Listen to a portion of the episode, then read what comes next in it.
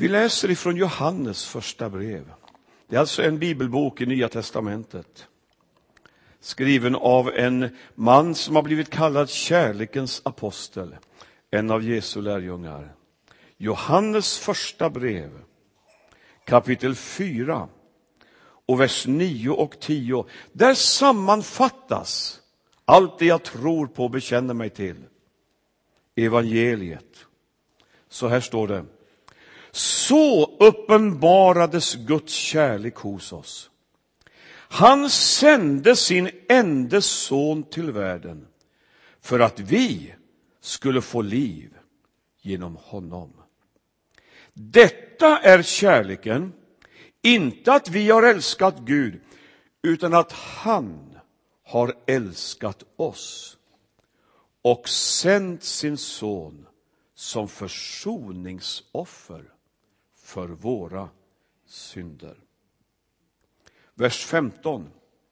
Om någon bekänner att Jesus är Guds son förblir Gud i honom och han i Gud. Och i nästa kapitel, alltså kapitel 5, där läser jag så här, vers 11 och 12. Och detta detta är vittnesbördet. Gud har gett oss evigt liv och det livet finns i hans son. Den som har Guds son har livet. Den som inte har Guds son har inte livet. Amen. Vi ber en gång till. Vi blir stilla i bön. Fader i himmelen, tack att vi får komma till dig i Jesu namn. Vi kommer med vår lovsång och tillbedjan, vår djupa tacksamhet, vår glädje. Men du vet, Herre, att det finns några här som känner det enda jag har att komma med, det är mina tårar och min förtvivlan. Tack att vi får komma precis som vi är. Vi får komma in i din närhet, beröras, befrias, förvandlas. Och jag ber, Herre, låt det ske som behöver ske denna kväll. Och hjälp mig att under några minuter tala ditt ord på ett rätt och värdigt sätt så att bara du blir ärad. Amen. Jag vet på vem jag tror. Det är en underbar proklamation som, som vi möter i Bibeln. Jag vet på vem jag tror. Det står faktiskt inte, jag vet på vad jag tror. Det är bra, men det räcker inte. Det bottnar inte för att kalla sig en kristen. För kristen tro är faktiskt mer än dogmer och lärosatser. Det är liv. Det handlar om personlig överlåtelse, personlig relation, livsgemenskap med honom jag bekänner som Herre och Frälsare. Jag vet på vem jag tror. I centrum för den kristna tron står en person. Det är honom jag tillägnar min lovsång och tillbedjan. Där står en person med genomborrade händer och törnkrönt gässa. Och vet ni vad? Han är mycket ifrågasatt idag. Och till och med i kyrklig miljö ibland så känner jag att tron, den där innerliga hängivenheten och den tydliga bekännelsen till Jesus är under attack. Då jag var liten grabb, då kunde de bråka i en sån här kyrka om sångstilar och såna här yttre saker, om damerna skulle ha en liten hatt på huvudet och liknande. Men vilken resa det har varit under min levnad. Idag så gäller inte kampen i kristenheten en massa perifera saker. Det gäller själva grundfundamentet, min bekännelse till Jesus som Guds son av evighet.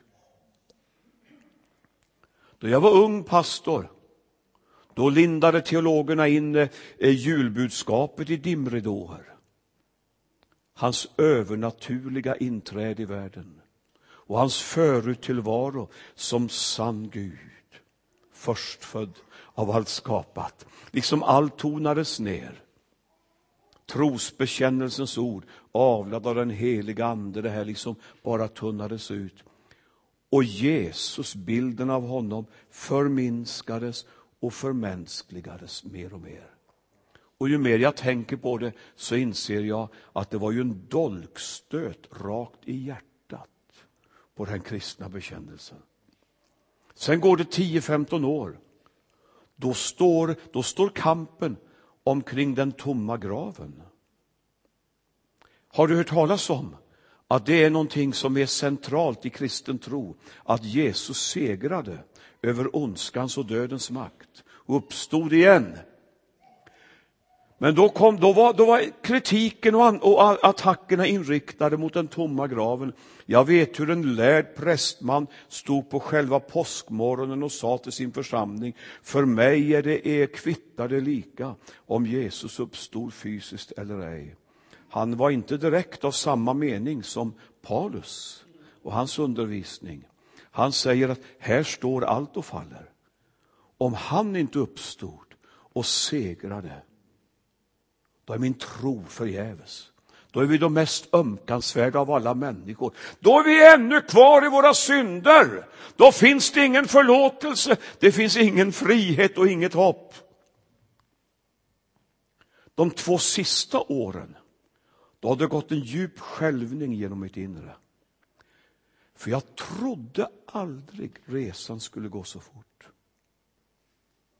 De två sista åren märker jag mer och mer tydligt hur attackerna medvetet är inriktade mot det allra heligaste i det jag bekänner mig till. Jesu försonargärning på korset. Jag läste en artikel av en känd teolog för ett tag sedan som ropar ut, bort med alla skuldoffer och slaktade lamm. Det behöver vi inte i vår tid. Det finns ingen fallen skapelse och det behövs ingen försoning. Och jag nästan höll i mig och tänkte, vad, vad är det som sker? Och så tänker jag så här, börjar den här förvirringen sprida sig och otydligheten i vår bekännelse till Jesus som gör att Jesus namnet tonas ner i vår gemenskap och våra gudstjänster. Plötsligt ligger våra kyrkor så nakna och oskyddade för alla okulta och nyandliga influenser i vår tid. Och därför så säger jag det som ett rop från mitt hjärta. Enda vägen framåt för en kämpande kristenhet nu i Sverige och Norden det är att i en förnyad överlåtelse hitta tillbaka till den enkla hängivenheten och den frimodiga bekännelsen till Jesus. Och jag ber inför varje gudstjänst där jag ska tala att den heliga ande skulle verka på det sättet att det kändes som allt utanverk bara skalades bort. Och kvar låg den innersta hjärtenerven i det som är att vara en kristen. Jag ser framför mig en gammal missionsföreståndare i ett gammalt kyrkosamfund som sa när jag var ung och det gav så, gjorde sånt intryck på mig. Att vara en kristen är att älska Kristus. Så är det.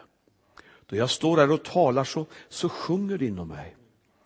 Jag bekänner mig, Jesus, till dig.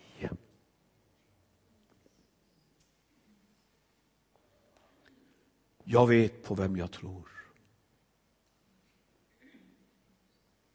Jesus, Guds son av evighet världens frälsare, försoningen för mina synder, uppståndelsen och livet, mitt hopp och min frihet. Jag hävdar att Jesus är helt unik. Det finns ingen som han. Och Bibeln säger han är den enda vägen, den enda grunden, den enda medlaren. Hans namn är det enda namnet. Så säger Bibeln. Och när jag står här och talar så, så slår det mig. Vad oerhört att Gud blev människa. En del säger alla religioner är lika. Det är de inte alls det. Alla nyandliga sekter och rörelser de har det gemensamt med de flesta stora världsreligioner att man ställer människan i centrum. Gud är avlägsen, upphöjd långt borta och människan ska med sina övningar och uppoffringar och gärningar och allt det här ska man försöka och kämpa sig fram till Gud. Kristen tro är ju någonting helt annat. Den berättar om en Gud som kliver ner från sin tron och billigt talat tar av sig sina konungsliga kläder och klär sig som en enkel slav eller tjänare. Som låter sig födas in i vår värld, vandrar ibland oss, identifierar sig med oss och ännu mer böjer sig ned under all vår synd och förbannelse.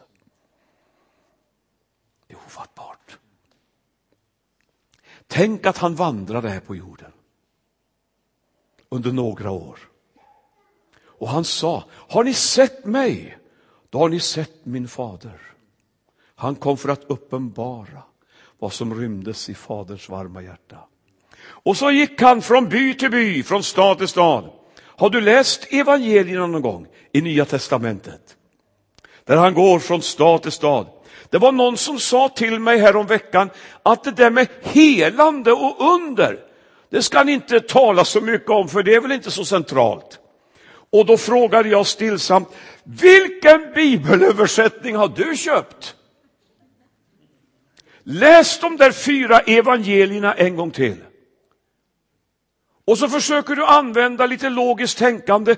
Försök räkna ut hur stor procent av Jesu korta dyrbara verksamhetstid på jorden som upptogs just av att hjälpa de fysiskt lidande, de sjuka, de plågade. Från tidiga morgon till solen går ner, i by efter by, i stad efter stad, så strömmar Guds kärlek till helande och läkedom. Vilken verksamhet! Och han säger, gärningarna jag gör, de vittnar vittnar om Fadern som har sänt mig. Och, och, Nu vill jag bara kort, jag känner jag vill, vill ge några korta bilder från Jesu verksamhetsperiod. Jag nämnde i fredags ute på Donsö om en kvinna som hade varit präglad av lidande och sjukdom i tolv långa år. Det är en ganska lång period med sjukdom och smärta. Och antagligen så hade hon lite pengar på banken. Hon hade en sån bakgrund, så hon hade möjlighet att konsultera olika läkare och experter. Men det bidrog också till att hon kastas mellan hopp och förtvivlan på ett mycket brutalt sätt. Någon säger, det finns någon där borta som kanske kan hjälpa dig. Och så blir hon besviken en gång till. Och en gång till. Och kapitalet bara sjunker. Och smärtan och plågan är värre än någonsin. Och då hon kommer in i sammanhanget i Bibeln, då är hon nere på nollpunkten, alla tillgångar är slut. Det är nästan något typiskt i det, att det är då Gud griper in. Då den lilla människan är nere på nollpunkten. Hon har inga krafter och inget kapital kvar, bara smärtan och förtvivlan. Det är då, precis i det skeendet av sitt liv, som hon får höra rapporterna om vad som sker på Jesusmötena borta i städer och byar. Hon får höra ett vittnesbörd. Och mitt i hennes misströstan och förtvivlan så väcks någonting till liv. Det hon hör, det föder en tanke av tro i hennes inre. Och så tänker hon för sig själv, om jag bara skulle få röra vid den yttersta tofsen av hans mantel så tror jag att den kraft han bär, den ska komma in i mitt liv och göra mig helad. Ett vittnesbörd som föder en tanke av tro och plötsligt så frigör den tanken av tro en handling och en liten människa är i rörelse mot sitt stora befriande Jesusmöte. En del tror att det är masspsykos och sådär då människor möter Jesus. Den här kvinnan hon är helt ensam, men det är någonting som har slagit rot i hennes inre. Och så är hon i rörelse. Kommer fram till Jesusmötet, trängseln är stor. Men hon kommer bakifrån, sträcker ut sin hand och får tag i den yttersta fliken på hans mantel. Och står antagligen blickstilla där. Och bara vet. Nu sker det. Vilket ögonblick. Nu sker det. Hon känner läkedom och kraft som går genom hela hennes varelse. Och tolv långa år av smärta är över. Så var det. Får jag måla en annan bild? Det berättas om en kvinna som är så baktalad och föraktad så hon har inte ens ett namn i folkmun. De bara kallar henne synderskan. Kan du känna liksom vad, vad mycket förakt som ligger i det, det ordet, synderskan. Hon är uträknad och fördömd från början. Hon har ingen chans. Ett förfelat liv. Mycket trasigt. Antagligen skulle hon kallas prostituerad i vårt samhälle. Utnyttjad, förnedrad, köpt av människor. Hon får också höra ryktet om att det är en fest på gång i hennes stad. Och dit har de bjudit in Jesus. Och plötsligt är den lilla kvinnan i rörelse mot sitt Jesusmöte.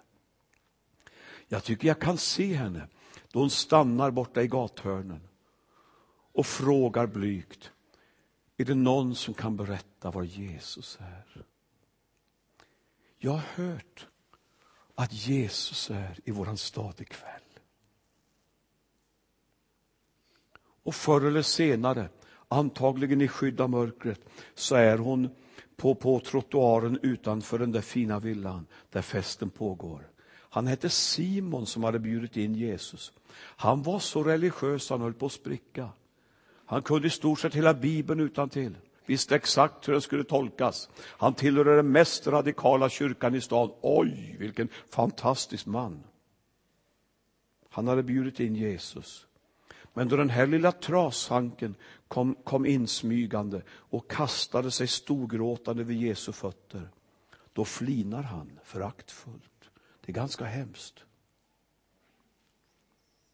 Men Jesus, han kräver inte en väldig trosbekännelse. Det är precis som hennes tårar räcker. Han låter henne gråta ut.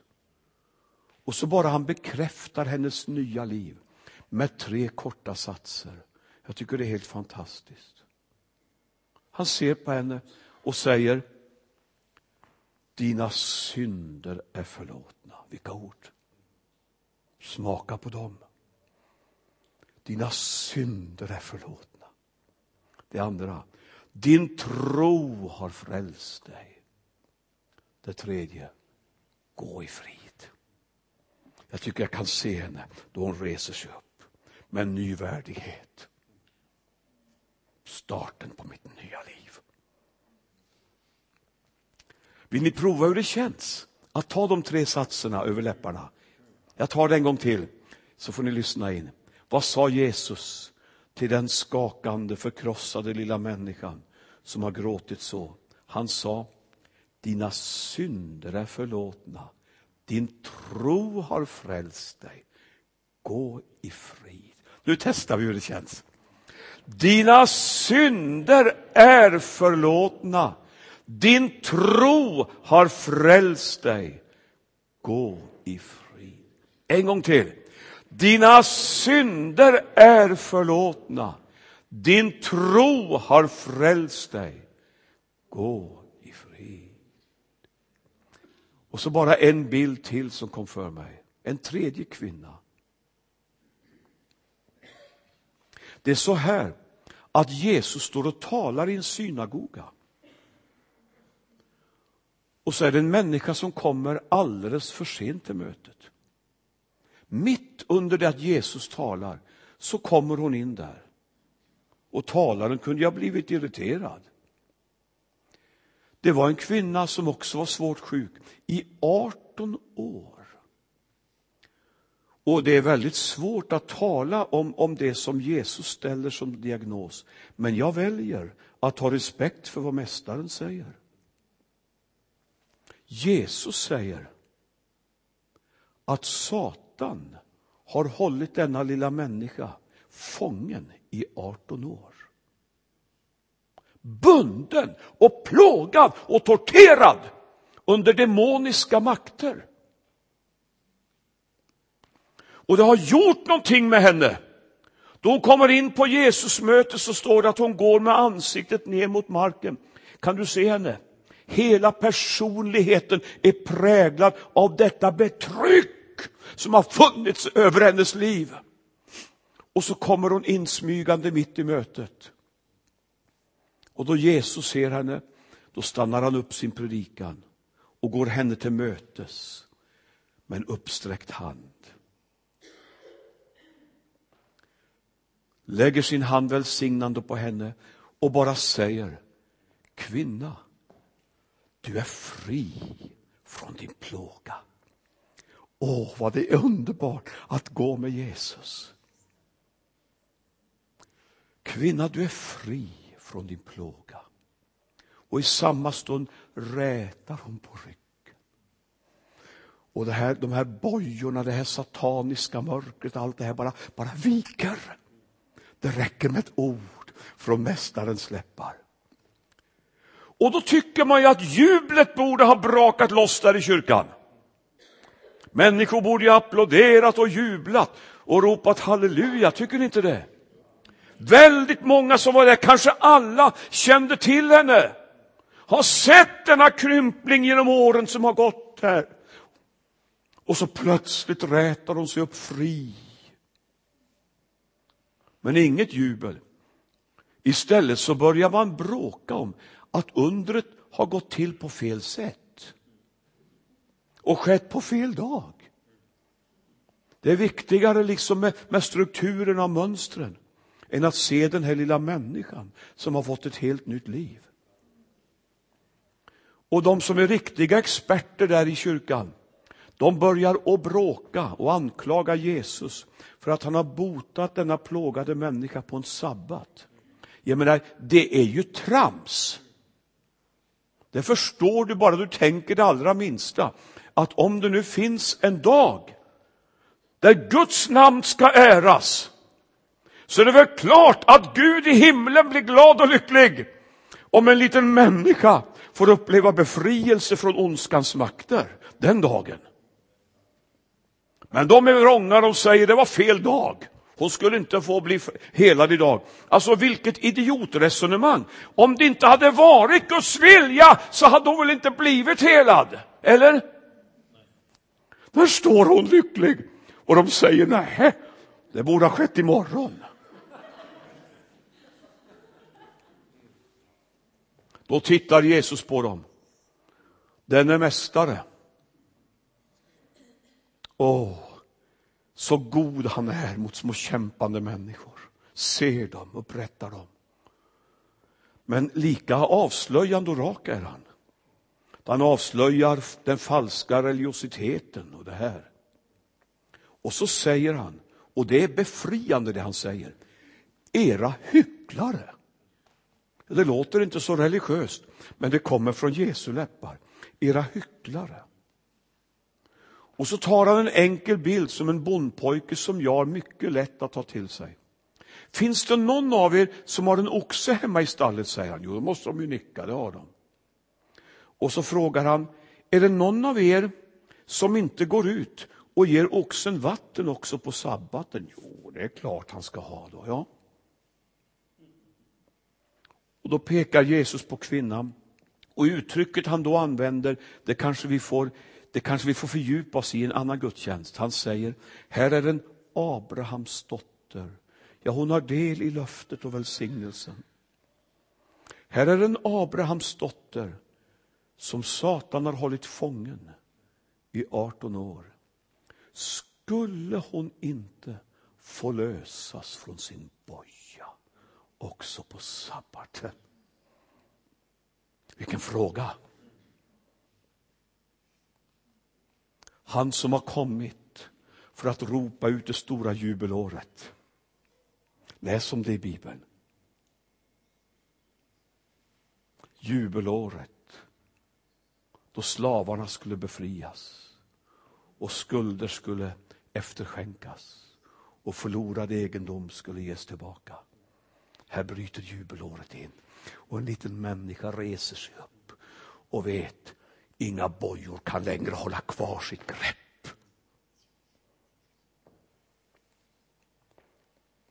Helande, läkedom, förlåtelse för min synd, helande befrielse.